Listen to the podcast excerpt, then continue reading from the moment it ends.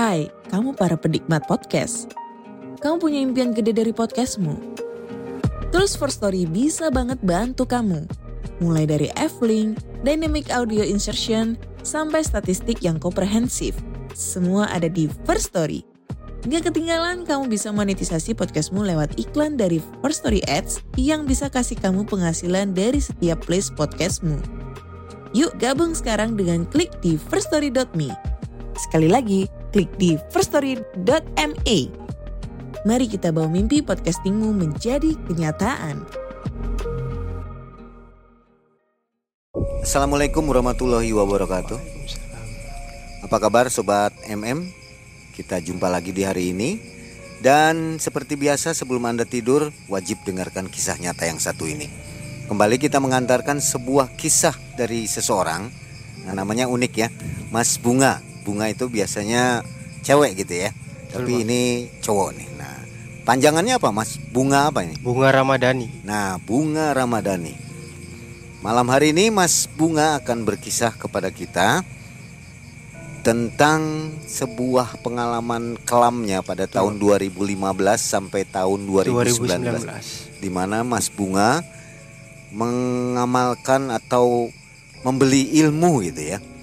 Lebih tepatnya disebut dengan untalan kalau bahasa Kalimantannya. Betul. Untalan ini berfungsi sebagai kebal, pengasihan juga apa namanya pemberani ya jadi Betul, Mang. pemberani. Nah sampai pada titik tertentu Mas Bunga akhirnya menyerah dan melepaskan ilmu itu semua. Iya. Bagaimana kisahnya nanti kita ngobrol. Apa kabar Mas Bunga? Alhamdulillah baik, Mang. Makasih nih sudah mau berkisah di Sama-sama, Malam. Mencekam ya. Jadi kita sering dengar untalan itu istilah dari Kalimantan kalau nggak Betul. salah. Mas Bunga aktivitas apa nih? Saya kerja, Mang, di salah satu rumah sakit Kabupaten Cirebon. Masih aktif sekarang ya? Masih sampai sekarang. Baik. Dan Mas Bunga ini nggak apa-apa ya kita syutingnya di kebun pisang nih Siap, nggak apa-apa, Mang. jam satu malam dan cukup mencekam suasana di sini cukup dingin dan nyamuk di mana-mana yang jelas. Kita akan dengarkan kisah dari Mas Bunga yang mengalami kejadian paling menyeramkan dalam hidupnya. Sudah siap Mas Bunga? Siap. Silahkan ceritakan.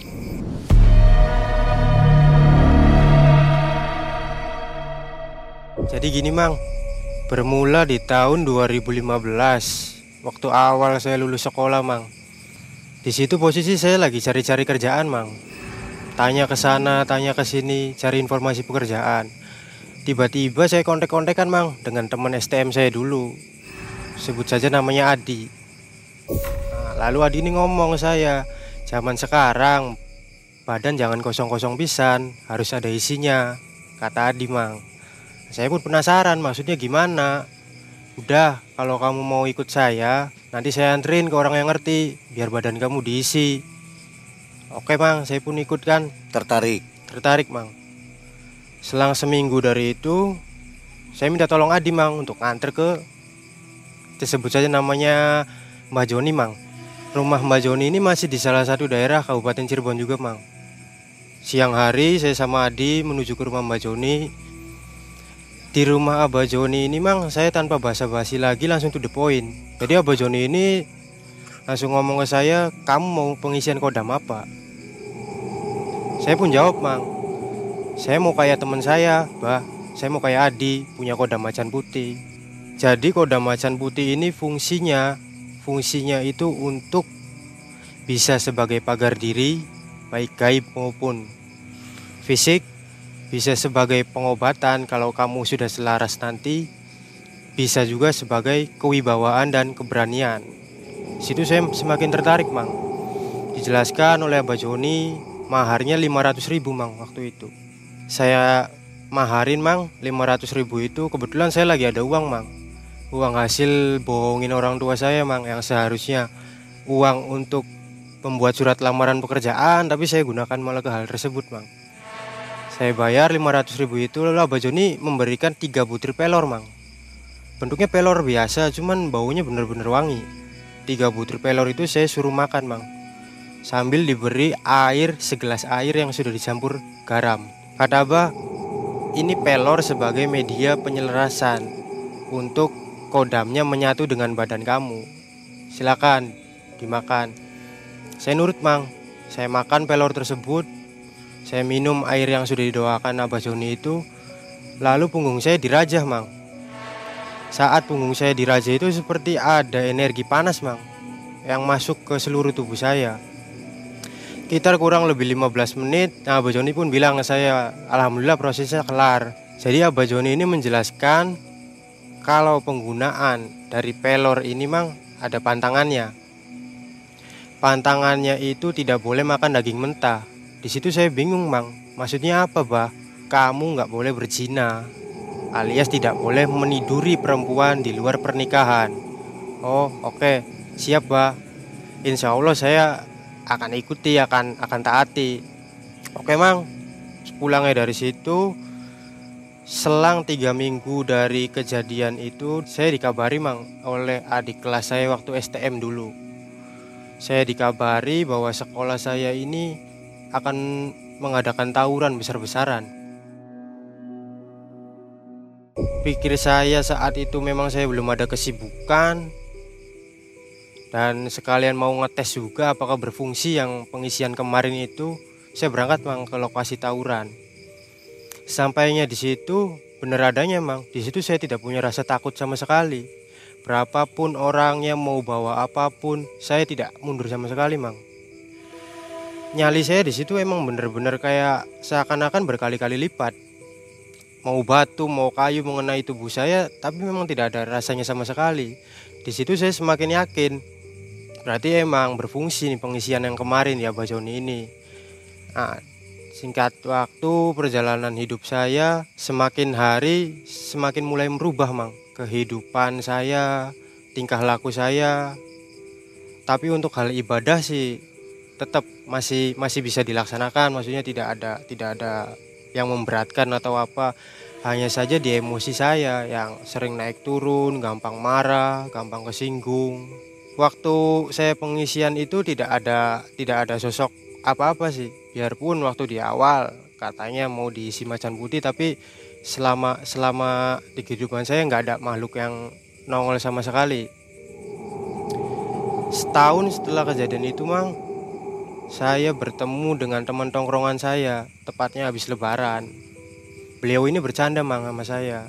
Kamu jadi jagoan sering ber, apa sering berantem ribut di mana-mana tapi nggak punya cewek malu-maluin. Kata dia mang sebut saja namanya Rudi. Nah saya nanya ke Rudi emang gimana Rud? Biar saya bisa kayak kamu bisa gonta-ganti cewek bisa dapetin cewek-cewek cantik. Nah, Rudi ini ngarahin ke saya untuk mendatangi suatu paranormal lah dibilangnya. Khusus pelet dan pengasihan mang.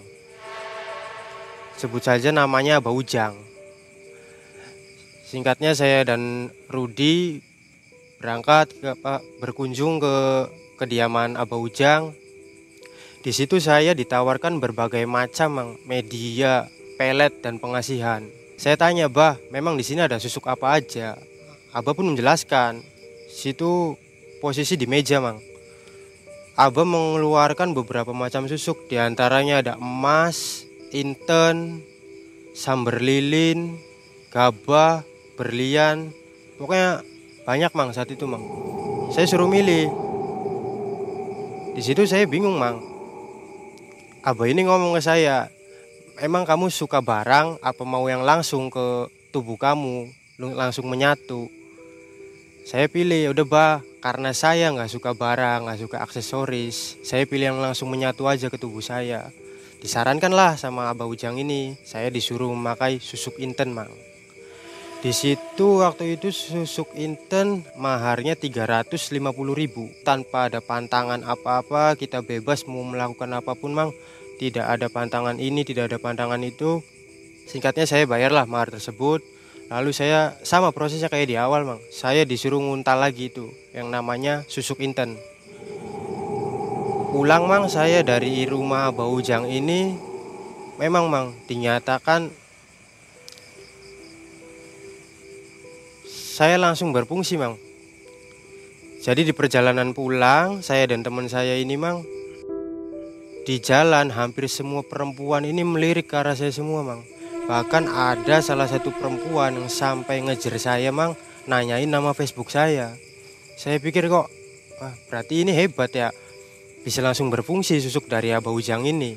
Semakin yakin mang saya di situ semakin pede. Hari-hari ke depannya benar saya ganti-ganti cewek terus mang dari cewek baik sampai cewek yang nakal dari cewek yang cantik sampai cewek yang biasa aja ketika saya niat mau pacarin pasti kena mang sampai suatu ketika saya sering kali mang di posisi yang namanya berdua dengan cewek.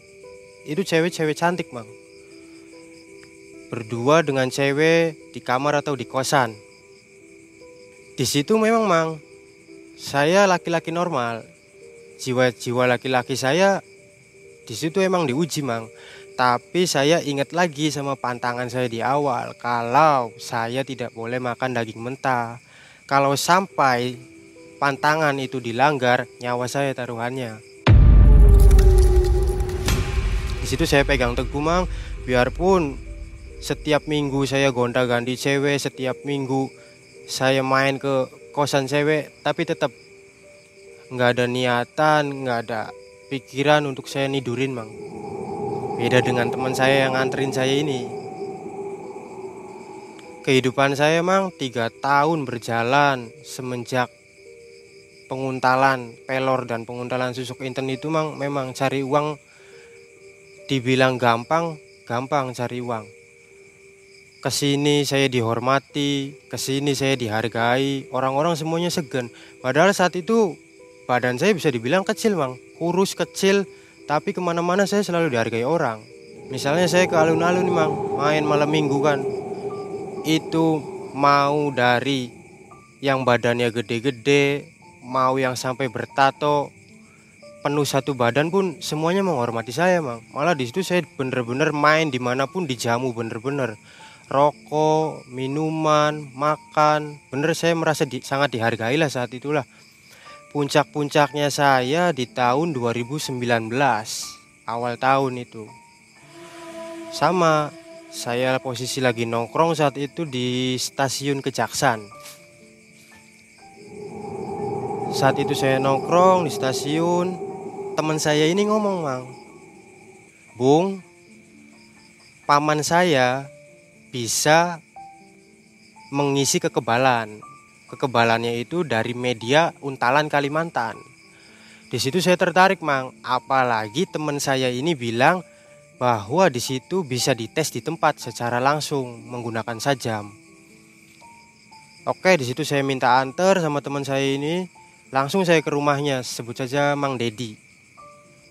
Sampainya di rumah Mang Dedi, saya ngobrol, saya ngerokok-ngerokok seperti biasa. Mang Dedi ini ngomong ke saya, Mang kau mau apa mau ngisi apa sesuai kata teman saya ini saya mau ngisi untalan Kalimantan mang harganya berapa maharnya berapa udahlah karena saya lihat kamu teman ponakan saya saya kasih 50 ribu aja satu minyak Oke, deal. Harga segitu deal. Saya masuk ke dalam ke ruang prakteknya beliau. Dibukalah minyak beberapa minyak dan beberapa barang di situ khusus untalan Kalimantan. Kurang lebih ada 20 jenisnya di situ. Mang, saya kan belum ngerti nih apa nama-namanya, apa fungsi-fungsinya yang sekiranya cocok dengan badan saya. Ya tolong sarankan saya harus pakai apa. Karena Mang Dedi ini tahu Mang saya orangnya doyan cari ribut, saya orangnya doyan berantem kan saya ditawarin namanya minyak Mariaban. Itu minyak untalan khas Kalimantan. Saya ditawarin minyak itu dengan mahar saat itu 50 ribu. Sama halnya dengan susuk inten mang. Mariaban ini tidak ada pantangan sama sekali. Hanya satu pantangannya. Makan berkat mang. Berkat nasi bungkusan dari tahlilan atau dari orang mati. Itu pantangannya yang nggak boleh mau mabok mau main cewek bebas mang. Dari Untalan Kalimantan ini. Jadi kisahnya ini mirip dengan waktu kita di Kalimantan ya? Betul mang. Dengan kisah Bang Ahim itu? Betul. Yang seorang debt collector. Iya. Jadi bisa disaksikan juga nih. Agak mirip ada kemiripan dengan betul kisah. Bang. Baik, silakan. Saya ambil untalan Kalimantan itu bernama Mariaban. Prosesnya sama, Mang. Jadi prosesnya itu sebelum kita menguntal atau sebelum minyak itu masuk ke tubuh kita, kita seakan membuat perjanjian atau pernyataan kepada minyak tersebut, Mang. Isinya gini. Kamu menyatu dengan tubuh saya, tapi 41 hari sebelum kematian saya kamu harus keluar. Setelah itu langsung diuntal Mang minyak tersebut. Mungkin ya, ini mungkin kalau saat awal kita menggunakan media Kalimantan tidak diberi pernyataan dulu tersebut, mungkin akan memberatkan saat proses kematian kita kelak. Kayaknya seperti itu. Saya diarahkan sama Mang Dedi ini minyak sudah saya makan, saya untal, di situ saya langsung dites, Mang, menggunakan mandau yang benar-benar tajam. Jadi saya coba dulu nih, mandau bisa ngiris tisu. Kalau tisu aja sobek, apalagi kulit saya. Dites lah Mang langsung. Mandau ini ke tubuh saya, ke kulit saya. Awalnya di tangan. Di tangan terasa kayak licin kulit saya itu, Mang. Sama sekali nggak ada rasa goresan apa-apa. Padahal itu bener-bener mandau tajam di tangan saya tidak mempan langsung di leher saya digorok mas dengan mandau tersebut semakin yakin di situ udah mang saya mengucapkan banyak terima kasih sama Mang Dedi Mang Dedi pesen cuman kamu harus ingat pantangannya jangan sampai makan nasi berkat dari orang mati itu saya pulang mang saya pulang di situ kehidupan saya mulai berubah mang saya mulai temperamental, emosi saya nggak bisa terkendali mang. Karena saat mulai memakan minyak mariaban itu mang ada satu sosok. Sosoknya tinggi besar kurang lebih 3 meteran. Bisa dibilang kalau di Jawa mah mirip genderuwo, hanya saja ada taringnya panjang. Sosok itu yang selalu mengikuti saya, kapan pun, di mana pun, apalagi kalau saya lagi ribut, kalau saya lagi berantem. Sosok itu malah seneng mang ada kejadian waktu itu saya ribut di stasiun Kejaksan, Mang. Karena setiap minggu kan saya nongkrong di situ. Banyak anak-anak muda yang nongkrong di situ. Ada segerombolan anak muda yang melirik nggak enak ke arah saya, Mang. Di situ emosi saya langsung naik. Langsung saya sikat orang-orang yang ada di situ. Ngerinya lagi, Mang. Kalau setiap kali saya nyikat orang ini atau saya gebukin orang, sebelum saya ngelihat dia keluar darah, saya belum bakal selesai, Mang. Saya sikat orang-orang tersebut dan memang nyali saya berkali-kali lipat daripada waktu saya menggunakan pelor dari Abah Joni pertama, Mang. Di situ kehidupan saya mulai bisa dibilang rusak, Mang. Jadi karena saya yakin nih badan saya udah kebal, senjata tidak ada yang bisa ngelukain saya. Di situ saya pikiran saya gimana caranya biar saya bisa dapat uang tambahan mang. Saya turun ke jalan saya coba cari-cari. Ada nih teman saya ini ngomong gimana kalau kamu ngerebutin lahan parkiran ilegal nah, emang di situ ladangnya duit mang jadi sudah terjadi beberapa orang yang melakukan perebutan. Nah, perebutannya di situ tuh pasti menggunakan kekerasan. Di situ saya tertarik, saya datangi salah satu lahan parkir ilegal tersebut. Di situ sudah ada premannya. Nah, saya disambut nggak enak, Mang, sama preman yang sudah memiliki lahan tersebut. Bilang kamu mau apa? Kamu datang-datang ke sini mau ngerebut apa mau gimana? Awalnya saya masih santai, tapi omongan dia semakin tinggi, Mang. Di situ saya benar-benar emosi, Mang. Saya sikat. Kebetulan di samping saya itu ada balok, Mang. Saya pentungkan ke mukanya. Ini darah bercucuran, Mang.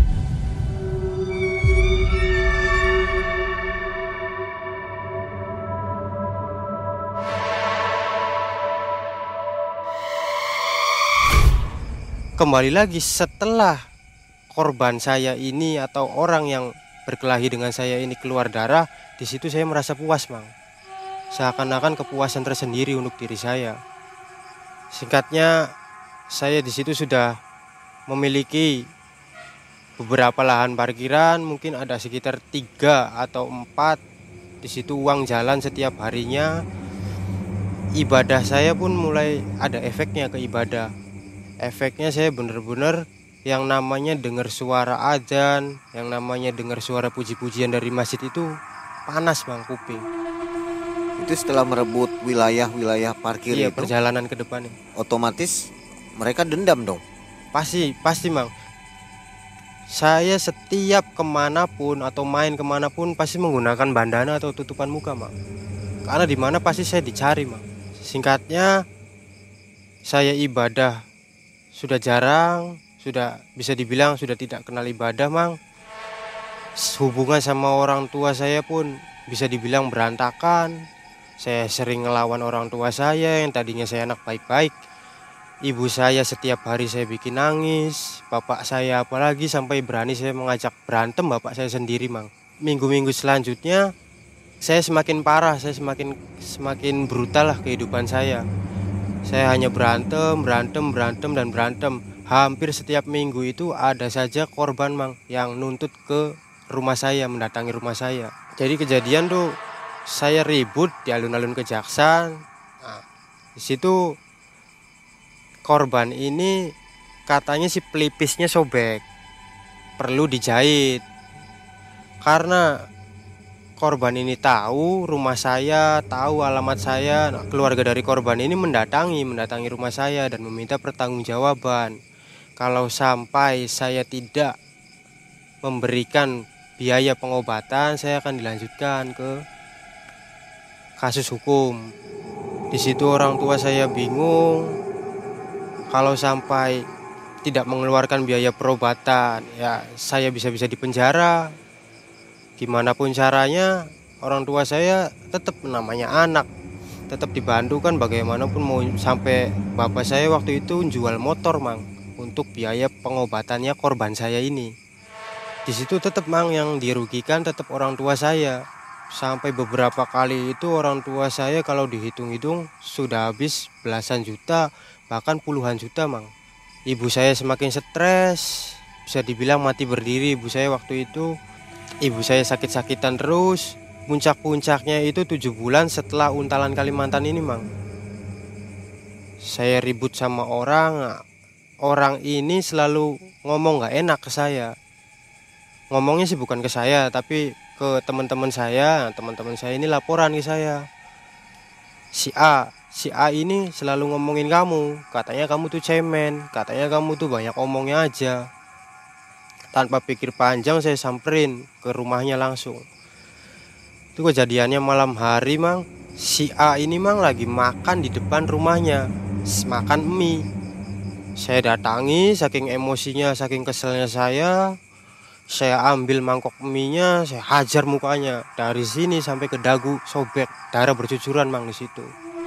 Setelah itu orang tuanya teriak-teriak dari dalam, saya lari pulang ke rumah. Selang 30 menit dari kejadian itu, keluarga korban ke rumah saya, Mang. Sambil membawa pihak yang berwajib meminta untuk biaya pengobatan. Kalau sampai saya tidak atau orang tua saya tidak membayar biaya pengobatan tersebut, saya akan dilanjutkan ke kasus hukum. Cari uang lagi harus gimana, Mang? Sampai jual ini, jual itu udah, udah habis-habisan untuk saya saat itu. Ada nih saudara saya, saudara dari ibu saya yang meminjamkan uang senilai 7 juta setengah saat itu, Mang, untuk biaya pengobatan tersebut.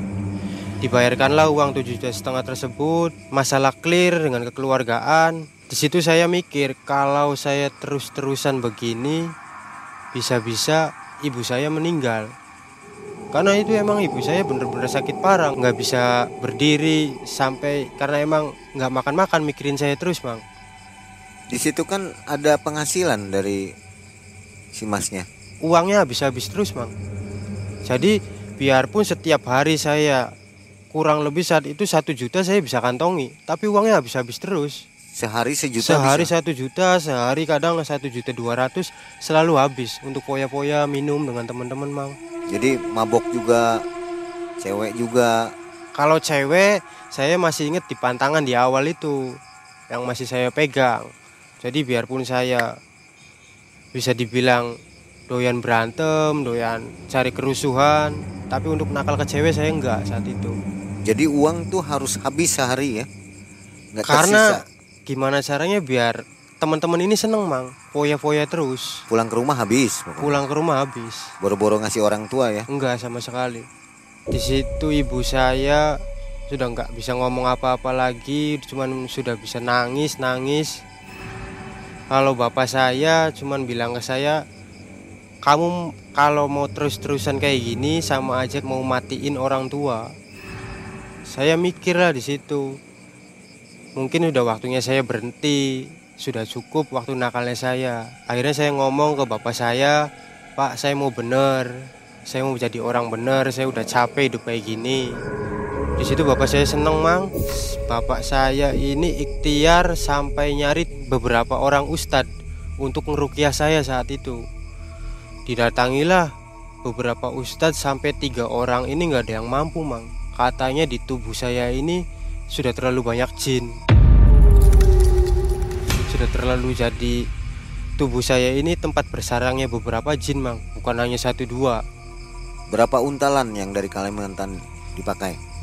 Kurang lebih saya enam untalan mang.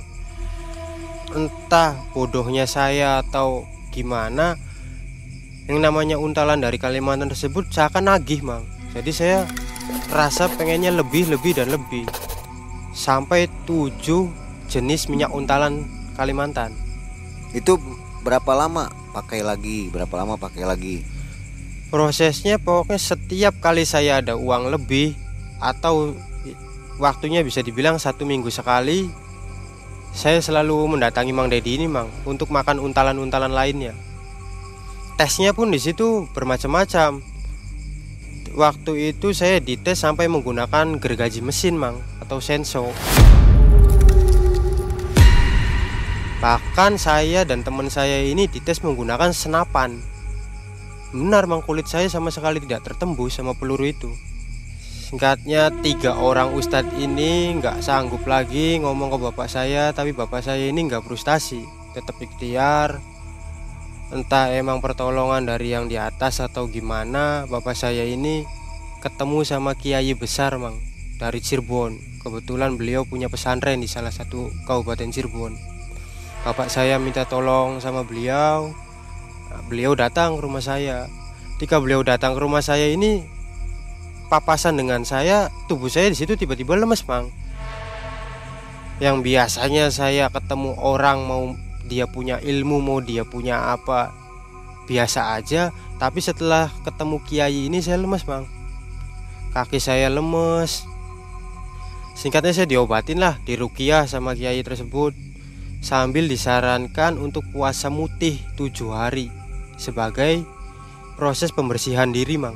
Ketika saya memutuskan untuk berhenti ketika saya memutuskan untuk membuang untalan-untalan atau susuk-susuk tersebut di badan saya ini efeknya bener-bener panas seakan-akan makhluk-makhluk tersebut tidak terima saya ingin membuang barang-barang tersebut tapi tetap saya paksakan karena saya emang sudah bener-bener kasihan dengan orang tua kan saya pengen hidup bener saya juga sudah ada pikiran untuk berumah tangga. Tujuh hari saya puasa muti itu setiap tengah malam jam 12 sampai menjelang subuh saya muntah-muntah. Saya muntah seakan-akan isi perut saya ini keluar semua mang. Tujuh hari tujuh malam saya muntah setelahnya itu sekitar dua atau tiga mingguan saya sakit. Saya sakit hanya tiduran di tempat tidur. Saya untuk makan aja kayak tangan berat. Ibu saya nyuapin saya makan saya mau ke WC saya digendong sama bapak saya. Tiga minggu pengobatan itu saya sembuh mang. Saya dinyatakan sembuh. Kiai itu datang lagi. Alhamdulillah badan kamu sekarang udah bersih. Pengalaman yang kemarin kamu jadiin pelajaran. Ketika saya dinyatakan bersih sama kiai saya mulai hidup normal saya mulai bekerja seperti biasa saya mulai berbakti lagi sama orang tua saya mulai ibadah lagi dan saya sudah meninggalkan lingkungan teman-teman saya mang yang yang dulu sama-sama pernah hidup di jalan. Pada waktu proses pembersihan itu berapa lama? proses pembersihan itu tujuh hari berturut-turut mang. Kiai ini setiap hari selalu datang ke rumah mang dilanjutnya seminggu sekali sampai tiga minggu itu saya sembuh. Oh cepet ya, alhamdulillah Ya. kebuang semua mang. bertahun-tahun gitu. enggak alhamdulillah kebuang semua. Dan sosok-sosok itu memang dinyatakan hilang mang. Sudah tidak ada lagi. Tidak ada lagi sosok yang mengikuti saya. Nggak termasuk si gangguan. Mariaban itu tidak ada gangguan sama sekali. Cuman prosesnya itu yang seakan-akan saya memutakan apa aja yang dalam perut saya ini kayaknya mau keluar semua mang. Nggak tahu apa yang keluar Kalau mendengar suara azan pada waktu pakai untalan itu gimana reaksinya?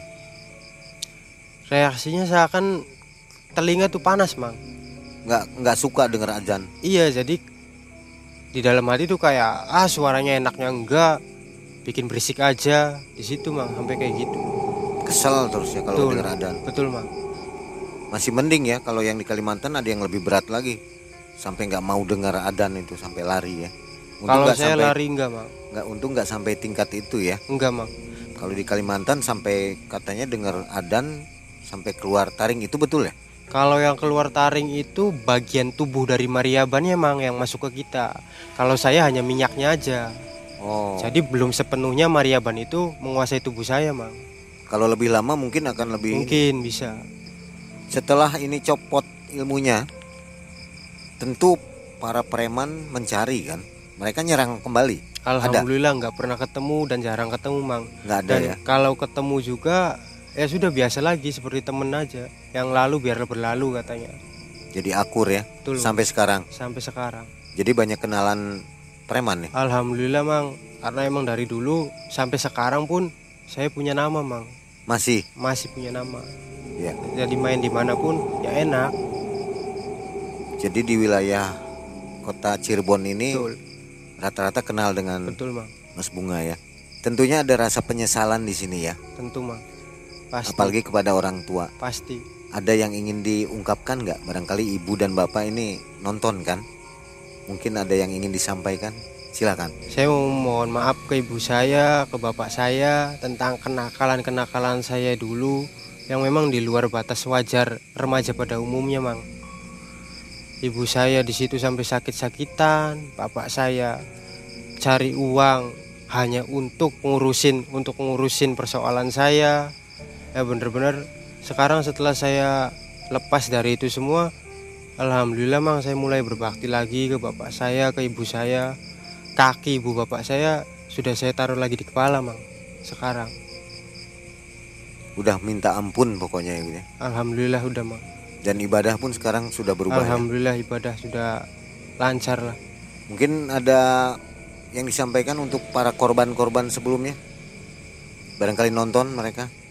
cuman permohonan maaf sih dari saya mungkin waktu itu kita kan sama-sama remaja waktu itu mang emang masih labil-labilnya emang masih emosi-emosinya jadi sekarang kan kita sama-sama dewasa ya maaf dan semoga ke depannya lebih baik lagi udah kita saudaraan aja Ya, syukur ya. Sudah ada permintaan maaf dari Mas Bunga ini. Lebih enak mana ketika punya untalan, ilmu kebal, segala kebutuhan itu untuk jagoan? Mm-mm. Lebih enak mana dengan yang sekarang? kalau cari uang enak saat saya punya pegangan-pegangan tersebut mang tapi kan tidak tenang saat itu. Saya ke mana-mana pun rasanya was-was. Ke mana-kemana saya ke sini dicari orang. Ke sini dicari orang. Bener-bener was-was saat itu. Kalau sekarang saya udah hidup normal saya bisa saling menghormati sama orang lain. Alhamdulillah mang. Biarpun saya cuma mengandalkan gaji saya yang kecil tapi alhamdulillah berkah. Nggak ada pikiran was-was lah kayak dulu Ada pesan nggak untuk mereka yang masih menggunakan hal-hal seperti ini? pesan-pesannya sih untuk para remaja janganlah sampai terjun ke hal-hal seperti ini. Nakal boleh tapi goblok jangan. Saya sih pesen mang segera dilepasin biar bisa hidup normal biar punya rasa takut lagi sama orang biar kehidupan tuh enak lah udah mang gitu Ya, jadi lebih nyaman sekarang ya Betul, Jadi lebih baik jangan pakai seperti itu deh. Jangan. Jangan ya. Biarpun hasilnya enak tapi jangan. Kecuali hidup di hutannya sendirian. Betul. nggak ada yang merindukan Nggak ada silakan yang di hutan. dirugikan. ya sobat mm ini kisah yang sangat menarik dan harus kita jadikan renungan apalagi untuk para remaja ya yang ingin gaya-gayaan atau menjadi jagoan memang caranya gampang ya Betul, Bang. Hanya dengan Instan. uang 50.000 ribu 100 ribu instan langsung jadi jagoan Betul. bisa kebal tapi ini bagus kalau dipakai perang ya Memang diciptakannya untal-untal tersebut awalnya untuk perang, Bang. untuk perang ya Tapi di Kalimantan ya Betul. Ya, ya, ya, betul. Masuk akal sekali. Nah, sobat MM, itulah kisah dari Mas Bunga Ramdhani yang namanya Bunga, tapi hatinya nggak rinto ya. Ini hatinya luar biasa, seperti harimau. Baik, terima kasih Mas Bunga. Sampai Sama-sama, jumpa di video selanjutnya. Oh ya, sebelum saya lupa, katanya Mas Bunga punya kisah yang lain nih. Ada beberapa kisah, Mang. Oke, kita tawarkan ke Siap. subscriber Malam Mencekam barangkali ingin mendengarkan kisah dari Mas Bunga yang lainnya silakan komentar di bawah ya. Siap, Bang. Sampai jumpa di video selanjutnya. Mang Ei dan tim serta Mas Bunga undur diri. Assalamualaikum warahmatullahi wabarakatuh.